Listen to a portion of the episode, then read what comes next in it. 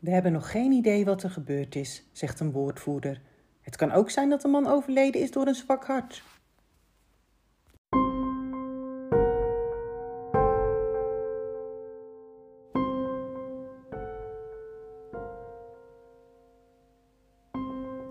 Potcrime aan Zee is dé podcast die duikt in de waargebeurde misdaad van Zeeland. Omdat ook deze gebeurtenissen niet vergeten mogen worden. Potcrime aan Zee is gebaseerd op de beschikbare feiten in het publiekelijke domein. Warning: de verhalen kunnen als schokkend worden ervaren. Mijn naam is Jessica en iedere aflevering nodig ik een sidekick uit. Dit keer zit ik hier met Wilco en we bespreken Healing Sessie Gone Wrong. Oké. Ken je hem? Nee. Nee? Oh, Zeg, zeg me nu even niks. oh, ja, misschien als, we er, eh, misschien als je het hoort. Ja, is het recent of is het al eh, langer? Het is eh, recent, van 2019. Oké. Dus daar gaat hij. Op 25 september 2019 is om drie uur voor het Polyklinisch Ziekenhuis van Zorgzaam in Oostburg een auto gestopt met erin een gewonde man. Vorige week hadden we ook een zaak uit Zeeuws-Vlaanderen en nu weer. Er gebeuren heel wat dingen daar, Zo groot is het niet. aan, aan de overkant. Altijd daar. hè. Ehm, het slachtoffer werd gereanimeerd en met een traumahelikopter naar het ziekenhuis in Gent gebracht. Nou, even voor de beeldvorming. eh, vanuit IJsendijken naar het ziekenhuis in Oostburg, dat is ongeveer een kwartiertje met de auto. Ehm, en vanuit Oostburg naar Gent is het met de auto 50 eh, minuten rijden. En ja, een helikopter heeft natuurlijk geen last van verkeer en die kan snelheden behalen van zo'n 250 km per uur. Dus die zal er ongeveer binnen een kwartiertje zijn, Ja. 10 minuten. Ja, dat ligt er natuurlijk aan. Je moet ook op eh, stijgen en Klopt. Maar meestal is het heel snel. eh, ja. ja. Maar goed, dat mocht allemaal niet baten, want het slachtoffer is die ochtend overleden. De politie zegt dat het slachtoffer mogelijk onwel is geworden na een healing sessie in IJzerdijken, waarbij hallucinerende middelen gebruikt zouden zijn. De identiteit van het slachtoffer is nog niet bekendgemaakt. Eerst wordt de familie ingelicht.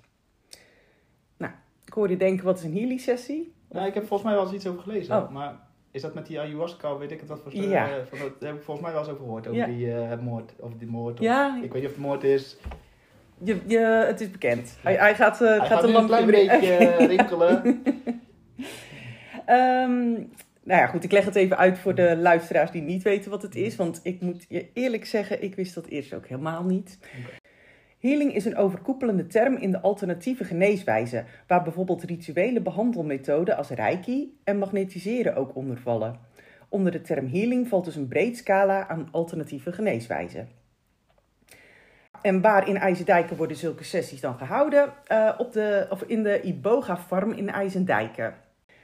Het slachtoffer is door bekenden van hem bij het ziekenhuis afgezet. Een 36-jarige man uit Terneuzen die bij het slachtoffer was, is aangehouden.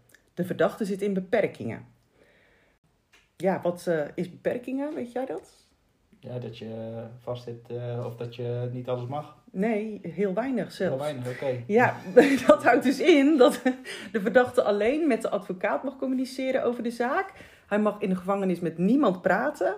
Hij mag geen krant lezen, geen televisie kijken, geen bezoek ontvangen. En maar een uurtje op een dag luchten in de kooi. Oké, dan ben je goed beperkt. Ja, daarom. Ook betekent het dat de politie en justitie nu geen verdere informatie over de zaak naar buiten mag brengen.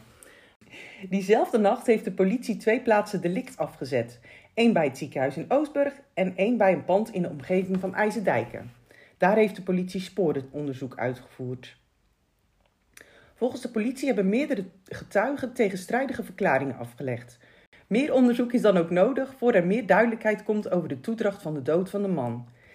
Bij de healingbijeenkomst in IJzerdijken zijn volgens de politie hallucinerende middelen gebruikt. Volgens de politie waren het de middelen die de man mogelijk fataal werden. Het gaat waarschijnlijk om meerdere hallucinerende middelen, waarvan ayahuasca, spreek ik het goed uit? Volgens mij wel. Ja. wellicht de meest bekende is. Dat middel is verboden, maar wordt desondanks op meerdere plekken in Nederland aangeboden bij geestverruimende ceremonies. Nou ja, zo hadden wij vorige week dus een zaak eh, waarbij je een eh, weg niet in mocht. En eh, ja, hier doen ze weer dingen die ook niet mogen. Oei. Ja. Ja, ik, ik weet wel waar ik het heb gezien. Bij Al, hoe heet die, Alberto Stegeman met Undercover in Nederland. Oh. Daar was dat. En dan was hij ook naar binnen geïnfiltreerd en weet ik het wat allemaal. Oh, die Een heb ik nog niet gezien. Hij is denk ik drie of vier jaar geleden of zo. Oh. Gaan we die eens terugkijken? Ja, Ja. dat is een hele goede tip. In dit geval gaat het dus om ritueel gebruik van hallucinogene middelen uit de natuur. Vaak komen die uit het shamanisme. Bekende voorbeelden zijn paddo's, maar bijvoorbeeld ook het gif van kikkers en padden. Wat leerde jij vroeger over paddenstoelen? Afblijven. Ja, die kunnen behoorlijk giftig zijn. En eh, ja, dan bij het woordje gif. Ja. Wat heb je daar eh, over geleerd? Gif. Eh, niet in je mond stoppen of niet innemen. Nee, want daar kun je dood aan gaan. Ja. Maar ja, toch eh, zijn er mensen die dat Ja. doen. Verslavingsarts Ralf van Wijnkel van Emerges, die heeft het al vaker voorbij zien komen in zijn werk. Toen ik het nieuws hoorde, dacht ik, dat zal er eentje zijn die aan de ibogaïne heeft gezeten. Ibogaïne is een vrij bekend tripmiddel. Het brengt mensen in een soort ander bewustzijnstoestand, waardoor ze dingen die, ze, die er niet zijn, of vervormingen zien. Met als idee erachter dat het tot nieuwe inzichten moet leiden die tot eh, persoonlijke groei leiden. Ja, volgens mij mag het ook onder begeleiding of zo. Dat was het toen in de documentaire. Er moet er een gids bij zijn en die leidt je er doorheen. Ja, het dan moet wel echt een professional. Zoiets. ja, precies. Het mag niet zomaar. eh, Nee. Maar die heeft zichzelf dat- dan misschien benoemd of weet ik het wat. Of, ja, je weet het niet. Ja, ik denk niet dat er een opleiding is.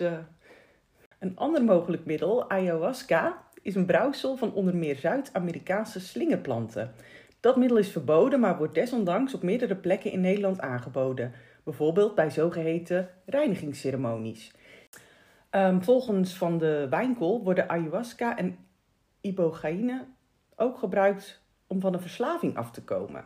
De theorie erachter is dat alle neurotransmitters in het brein door zo'n heftige psychische ervaring gereset worden. Maar ik denk dan, ja, wij hebben er nog nooit van gehoord. En ehm, als dat echt zo goed zou helpen, dan ja, Ja, zouden ze dat overal wel doen. ja, ik weet het niet. Ik ben niet echt van de drugs. en Nee, de ik ook absoluut niet. En, eh, middelen. Dus nee, ik weet de- het niet echt. De politie doet die dag geen verdere uitspraken over de man die overleed na het healing-ritueel. We weten nu nog niet zeker welke middelen de overleden man precies gebruikt heeft tijdens die healing-sessie en of hij daadwerkelijk aan het gebruik van die middelen is overleden. Vast staat dat het gebruiken van ayahuasca en andere shamanistische middelen niet zonder gevaar is. Het bevat de werkzame stof DMT, die in de opiumwet valt onder de zwaarste categorie verboden middelen, waar ook cocaïne, ecstasy en heroïne onder vallen. Ondanks het verbod was er de afgelopen jaren een wildgroei aan aanbieders van ayahuasca. Meerdere deskundigen waarschuwen voor het gebruiken van, omdat veel gebruikers negatieve ervaringen zouden hebben met het middel. Het gaat om klachten als angstaanvallen, paniekgevoelens en waanbeelden, maar ook ernstige hartritmestoornissen en dodelijk, die dodelijk kunnen aflopen. Toch wordt het met enige regelmaat aangeboden omdat het van oorsprong Zuid-Amerikaanse drankje in alternatieve kringen wordt gezien als reinigingsmiddel voor de geest. Dat komt doordat het tot nu toe in een soort grijs gebied viel voor wat betreft de handhaving. Hoe zou het eruit zien en eh, hoe kan je er aankomen? Je hebt niet zo in de winkels eh, te koop, neem ik aan. Nee, we hebben even opgezocht. Ehm, ayahuasca, dat zijn echt eh, bladeren ja, in, eh, aan kruiden en De medicijnman uit eh juist, Afrika. juist zo. En ja, hoe ze er aankomen, waarschijnlijk wordt dat illegaal meegevlogen of zo. Of eh, misschien ook wel tussen de bananen. Misschien zijn de bladeren zelf niet illegaal. Ja, dat zou kunnen. Dat alleen de stof die erin zit, Ja. Of misschien doen ze dat hier ook zelf wel kweken of zo. dat zou kunnen. Geen idee. Nou ja, eh, waar ze ook nog eh, geen idee over hebben is wat er is gebeurd. Dat zegt een woordvoerder. Het kan ook zijn dat de man overleden is door een zwak hart. Nou ja, wat, wat denk jij? Ligt het voor de hand dat het komt door die middelen? Of zou er iets meer aan de hand zijn geweest? En dan met name omdat er iemand aangehouden is. Dat is ook niet omdat iemand dan een middel heeft gebruikt. En Ja. hij zit zelfs in, in beperkingen, dus... Ja, ik neem aan dat er een gids bij was, want dat hoort bij die dingen. En die zal dan wel weten wat je mag gebruiken per persoon dat niet gevaarlijk wordt. Ja. Dus ik Dus- denk dat hij weet wat een lichaam aan kan. Maar ja, stel dat je verkeerde bedoelingen hebt, kan je iemand net een eh, doosje extra Ah, geven. Of iets wat er niet mee in combinatie gaat. Als je weet, Ja, inderdaad, dat zou kunnen. dan zou het kunnen. Ja, dat ze denken, die, Ja. die heeft die opleiding gevolgd en toch is er hier iets niet goed gegaan. Ja, het zou kunnen. Ehm, onderzoek moet volgens het OM nog uitwijzen wat de doodsoorzaak is. Het OM meldt wel dat de man uit Nederland komt, maar brengt nog niet de identiteit naar buiten. Wel is er dezelfde dag nog sectie op het licha- lichaam gepleegd. De buren van Iboga Farm in IJzerdijken, waar de man overleed, zijn geschrokken. Toch zeggen ze unaniem dat ze nooit overlast hebben van de spirituele organisatie. Naast en tegenover Iboga Farm staan drie huizen. Twee daarvan worden vast bewoond. In het derde huis woont Suzanne Hamelink, die het, gebruik, die het gebruikt als vakantiehuis. Ze is door de directe buren aangewezen als woordvoerder. We vinden het echt verschrikkelijk wat er is gebeurd, vooral voor de nabestaanden van het slachtoffer, zegt ze. Volgens haar zijn er drie mannen diezelfde dag nog opgepakt. De twee therapeuten van de organisatie en een ooggetuige. Zie je, die zijn gewoon verantwoordelijk daarvoor, voor die sessie. Het is illegaal, maar die wordt dan eh, verantwoordelijk gehouden. Misschien degene die het pand eh, huurt of verhuurt. Of, Ja, Ja. Ja. En de buren hebben denk ik geen overlast omdat altijd de gordijnen dicht zijn. Ze maken geen lawaai. Ze zitten in een ruimtetje afgesloten. Eh, ze doen een beetje rondjes lopen en dan ben je... Ja. Ja ik weet niet wat ze daar allemaal Ja. doen, maar En ze zit op een knie. Jij hebt Ja, het ik- gezien, hè, ik bij heb Alberto. gezien. Ja, ja, ja. Kijk Alberto terug en je ziet het. Ehm, de buren die hadden dus geen overlast van de organisatie. Ze zijn eh, minstens al sinds 2017 bezig, dus ja, twee jaar, eh, met de sessies, vooral in het weekend. Maar we hadden eigenlijk nooit problemen met ze. Er stond af en toe wel eens iemand in de tuin een sigaret te roken, maar dat was alles. Ze heeft meermaals gesproken met de therapeuten. Ze zijn gewone gasten, in normale kleding, niet zweverig of zo. Nou ja, ik moet zeggen, ik dacht eh, toen ik dit hoorde wel Mm. echt gelijk aan eh Jomanda gewaden en zo. Ja. Maar dat is dus niet zo. Wat ben ik toch eh, wereldvreemd. Ja, ik heb de tijd meegaan. nou. Wel zijn alle buren geschrokken van het overlijden. Opeens is de straat afgezet voor forensisch onderzoek en verschijnt je huis op foto's van de media. Dat is toch wel schrikken. De deelnemers aan de sessies kwamen volgens Hameling van heinde en verre. Het was echt een afspiegeling van de maatschappij. Van mensen in busjes met bloemen erop geschilderd tot zakenmensen. Dus toch ook wel Mm. wat ik dacht van die hippie eh, Ja. busjes. Maar ik denk toch dat er ongeluk is geweest dan. Want anders was het misschien vaker gebeurd. Nou ja, of, of, die eerste... man die had net iets gedaan en eh, Dat kan ook.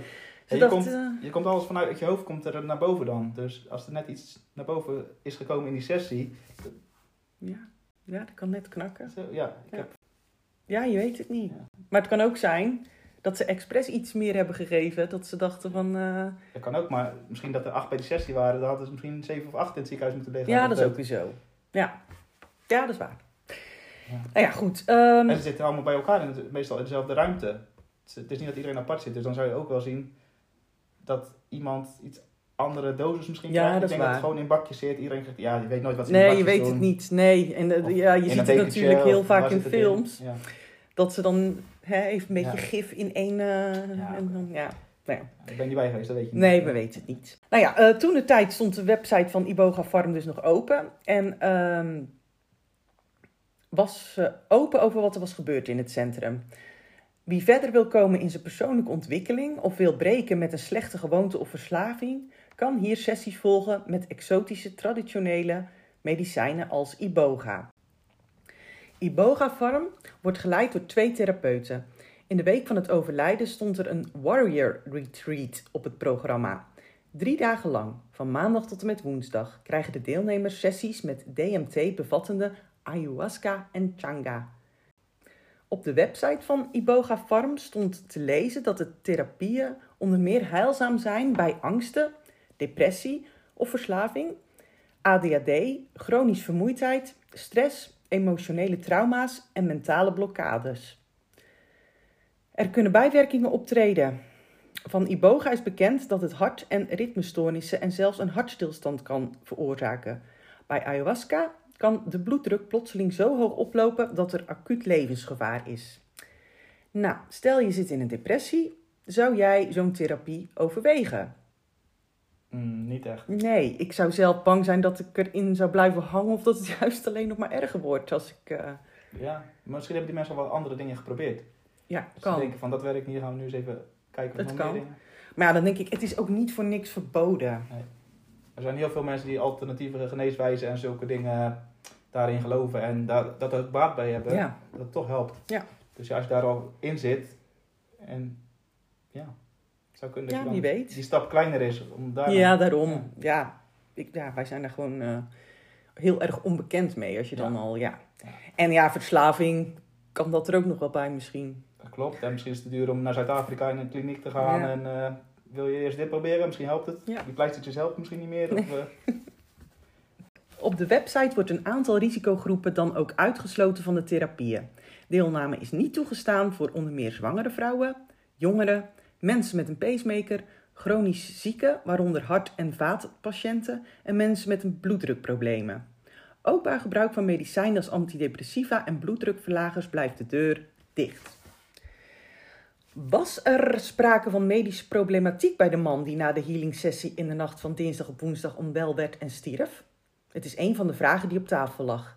Eerder dat jaar kwam een 31-jarige Hongaar om het leven nadat hij in Eersel, dat ligt in Noord-Brabant, had deelgenomen aan een healingceremonie met ayahuasca. Nou, een week later wordt bekendgemaakt dat het om een 34-jarige man uit Oudewater, dat ligt bij Gouda, gaat. Ja, ze kwamen van heinde en verre. Oké. Zijn naam is Jeffrey van der Hoek. De twee therapeuten en een bezoeker werden kort na het overlijden opgepakt. Het Openbaar Ministerie verdenkt ze alle drie van doodslag. De bezoeker, een 37-jarige man uit Groot-Brittannië, werd afgelopen vrijdag vrijgelaten. En afgelopen maandag kwam er een 35-jarige organisator, Sander J. uit Terneuzen, onder voorwaarden vrij. Hij mag tot de, deze, hij mag tot de zaak voorkomt geen bewustwordingsprocessen meer aanbieden. Beide blijven dus wel aangemerkt als verdachten.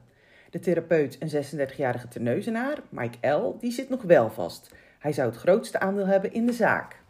Het OM wilde alle drie de verdachten langer vasthouden. Reden daarvoor is dat nog veel onduidelijk was. Het is een ernstig feit, want er is iemand overleden.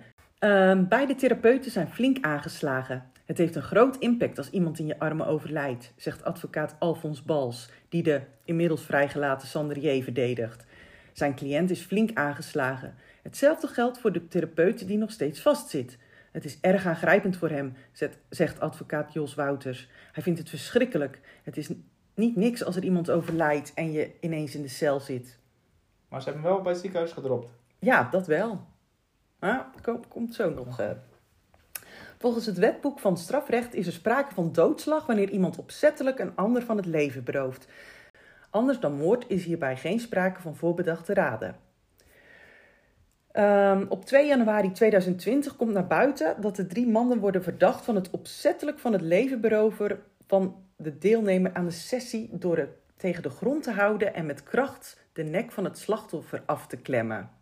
Ook is er geweld uitgeoefend op de neus en de mond van de man, zo is uit sectie gebleken. Het is waarschijnlijk dat de man in bedwang gehouden moest worden omdat de middelen die hij had gebruikt niet goed vielen, al dus het OM. Ja, nou, is dat dan nog doodslag of een noodlottig ongeval? Wat kan er zijn gebeurd? Ja, ik weet niet of je dingen wat hebt gezien van die vlakka. Die mensen die, eh, die gaan Oh. overal doorheen. Die moet je ook met eh, drie, vier man tegenhouden. Ja, ja, ja ik heb dat wel eens gezien. eh, Dat is heel heftig. Als dat zo'n reactie bij die man heeft gegeven, dan snap ik wel dat ze even tegen hebben gehouden. Ja. Op 10 januari eh, 2020 moet de hoofdverdachte Mike L. voor de rechter verschijnen. Het gaat om een pro forma zitting, waarbij onder meer bepaald wordt of de man langer in de cel moet blijven zitten. De inhoudelijke behandeling van de zaak, waarbij alle drie de verdachten, wordt, eh, alle drie de verdachten aan bod komen, volgt later dat jaar. De 36-jarige Mike L. uit de Neuzen, die wordt verdacht van doodslag, wordt voorlopig vrijgelaten. Dat bepaalde de rechtbank in Middelburg. Familieleden van zowel de verdachte als het slachtoffer reageren geëmotioneerd en opgelucht. Voor moeder Vroni voelt de dood van haar zoon als een wond die vanwege de naderende rechtszaak weer wordt opengehaald. Veel meer wil ze niet kwijt. Niemand die dit zo had gewild. Nabestaanden van Jeffrey van der Hoek hebben er altijd zo in gestaan. Ze zien het drama op de Zeeuws-Vlaamse Iboga-farm als een ongelukkige samenloop van omstandigheden. Tijdens een voorbereidende zitting in Middelburg in januari 2020 waren ze allemaal eens met de rechter, die teneuzen naar Mike L. in afwachting van het onderzoek vrijliet. Zijn compagnon Sander J. was toen al op vrije voeten. Nou ja, goed, dat lijkt me wel als verdachte zijnde een enorme geruststelling dat die ja, familieleden ja, je niet zien als moordenaar. Ja. Die denken misschien ook hij ging vrijwillig ging Ja. naartoe. Ja, Het was zijn keuze om daar naartoe te gaan. Ja. Ehm, Mike en Sander waren erbij toen het op de vroege ochtend van 25 september 2019 misging op een healingboerderij in IJsendijken, waar ze programma's aanboden om, de gehaaste, om het gehaaste leven van velen te doen doorbreken. Samen verzorgden de twee teneuzenaren daar een warrior retreat. Ik vind warrior retreat... Ik denk dat ze een of andere... Dat ze losgelaten worden allemaal met drugs en uh, allemaal uh, gaan vechten daar. Ik vind het ook echt een beetje eng klinken. Ja. Jeffrey van de Hoek deed mee aan de retreat en verloor tijdens de ceremonie de controle over zichzelf. Ah, daar komt hij. Hij werd agressief en moest door Mike en Sander gekalmeerd worden. Van den Hoek raakte bewusteloos en werd door de therapeuten naar het ziekenhuis in Oostburg vervoerd. Een helikopter bracht de Utrechter vervolgens naar Gent, waar artsen niets meer voor hem konden betekenen. Mike en Sander werden aangehouden en door het Openbaar Ministerie aangeklaagd voor doodslag. Ze hadden grof geweld gebruikt en zouden Van de Hoek met een nekklem hebben uitgeschakeld. De aanklacht was gebaseerd op de verklaring van een Brit die ook meedeed aan de healing en heel even als verdachte was aangemerkt. Advocaten van Mike en Sander wilden de Brit horen als getuige, maar dat was lastig omdat hij naar zijn geboorteland was vertrokken en zich daar onbereikbaar hield. Fijn. Ja. Uh, Mike en Sander hebben altijd gezegd dat het nooit hun bedoeling was van de hoek aan te pakken, hard aan te pakken. Onze intentie is juist om mensen te helpen. Ik ben er zelf ook helemaal kapot van, zei de aangeslagen Mike in 2020 in de rechtbank in Middelburg. Achteraf is gebleken dat Van de Hoek drugs had gebruikt. Iets wat voorafgaand aan een healing niet is toegestaan, omdat de combinatie gevaarlijk kan zijn. Onderzoek heeft uitgewezen dat hij uiteindelijk aan hartfalen is overleden. Ja, dat lijkt me echt wel verschrikkelijk. Dan wil je dus als mhm. Sander en Mike zijnde iets goed doen. Je wil mensen helpen. En dan gaan ze dood aan jouw hulp. Ja, maar dan is een nekklem toch ook wel redelijk heftig uh, om dat uh, toe te passen. Ja, ja um, een, uh, een, nekklem. Um, ik dacht dus zelf dat dat een of ander martelwerktuig was. Nou, ik zie dan zo'n judo-greep uh, voor me, met zo'n been om je zijn nek, helemaal zo Het is ook inderdaad een greep, uh, waarbij de keel in de kom van de elleboog wordt gelegd en de keel wordt dichtgeknepen. Zodat iemand rustig wordt. Maar ja, ik dacht, martelwerktuig. Uh, de officier van justitie heeft inmiddels ingezien dat van opzet geen sprake is geweest, maar verwijt de therapeuten nog wel dat ze nalatig waren met de dood tot gevolg.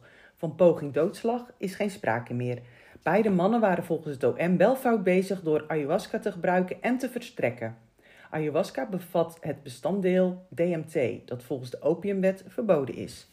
Vroni van de Hoek is erbij als de rechter zich na drie jaar inhoudelijk over de zaak buigt. Deze zaak kent alleen maar verliezers, zegt ze.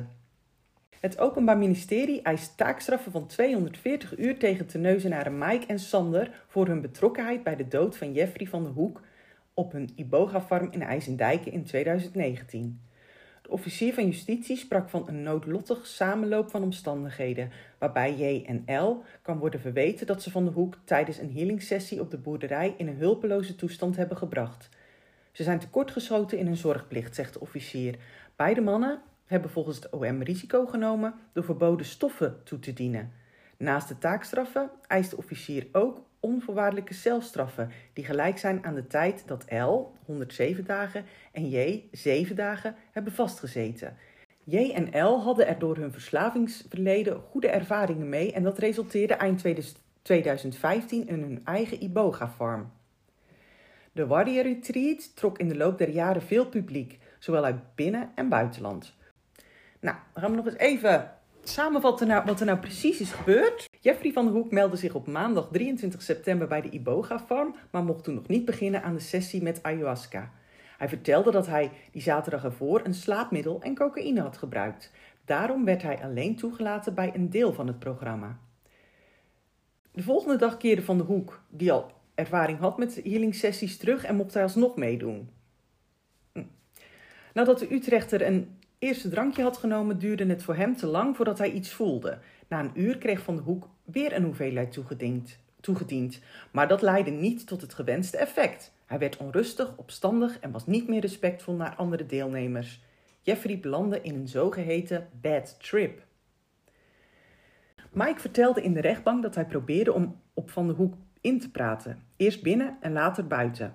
Van de Hoek probeerde het terrein te verlaten, maar El wilde hem op de Iboga-farm houden.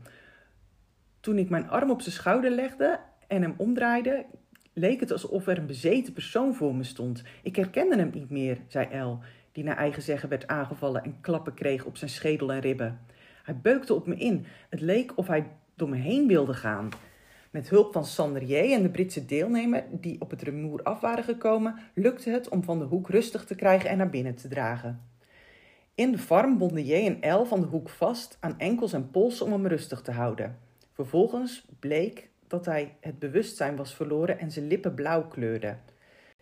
In plaats van 112 te bellen, probeerden de therapeuten van de hoek ter plekke handmatig te reanimeren, want een defibrillator was niet voorhanden.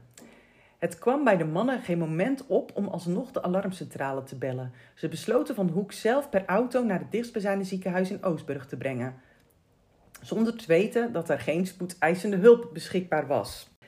Ja, we wilden gewoon dat hij zo snel mogelijk hulp kreeg, zei J. Een helikopter vervoerde Van de Hoek nog naar het ziekenhuis in Gent, maar artsen konden niks meer voor hem doen. Achteraf bleek dat Van de Hoek toch nog andere drugs had gebruikt, wat in combinatie met de healingsessie verboden is en heel gevaarlijk kan zijn. J en L werden aanvankelijk aangeklaagd voor poging doodslag, omdat de Britse deelnemer had gezegd dat er een nekklem was gebruikt om Van den Hoek uit te schakelen. Daarvan is nu geen sprake meer. Het OM heeft ingezien dat er geen opzet in het spel was, maar vindt wel dat er sprake is van schuldverwijt, omdat beide mannen risico's hebben genomen door verboden stoffen te gebruiken en te verstrekken.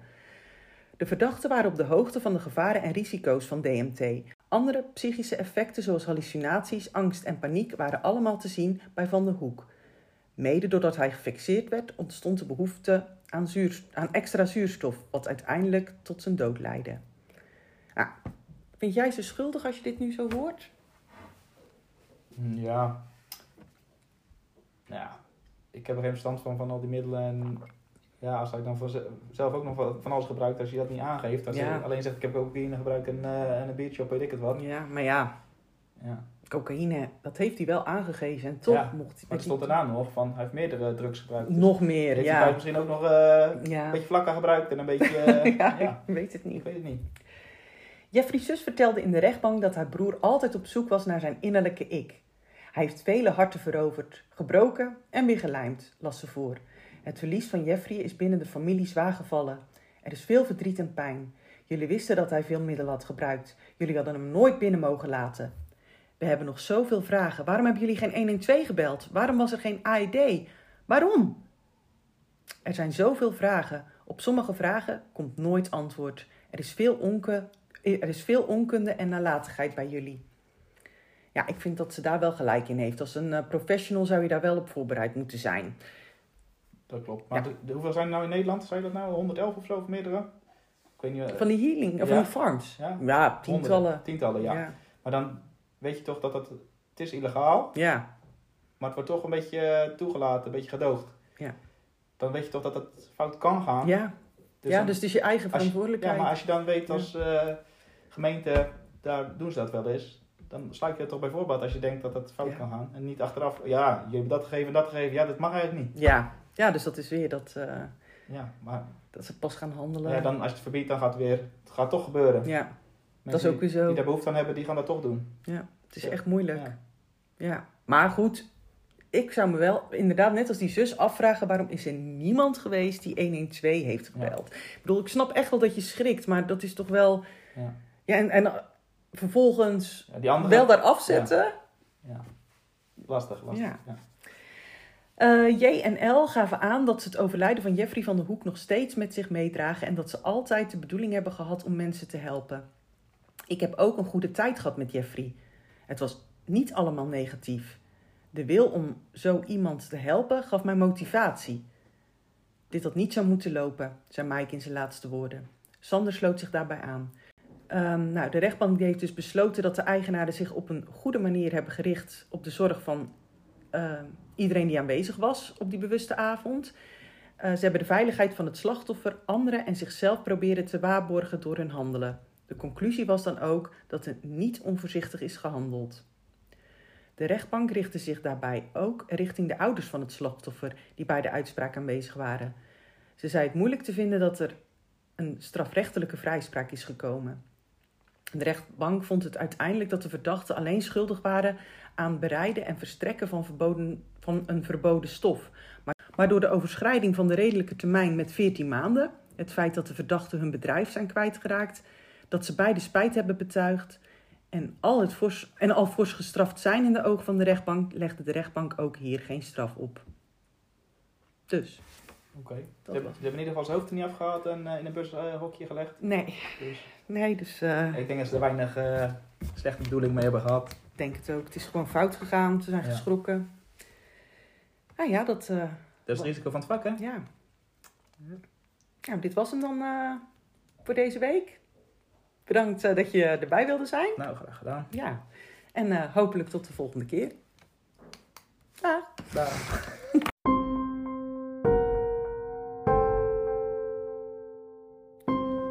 Foto's die bij deze aflevering horen kun je vinden op Instagram. Potcrime, aan, zee. Hier kun je ook laten weten wat je van de aflevering vond. Bedankt voor het luisteren en graag tot de volgende Potcrime aan zee.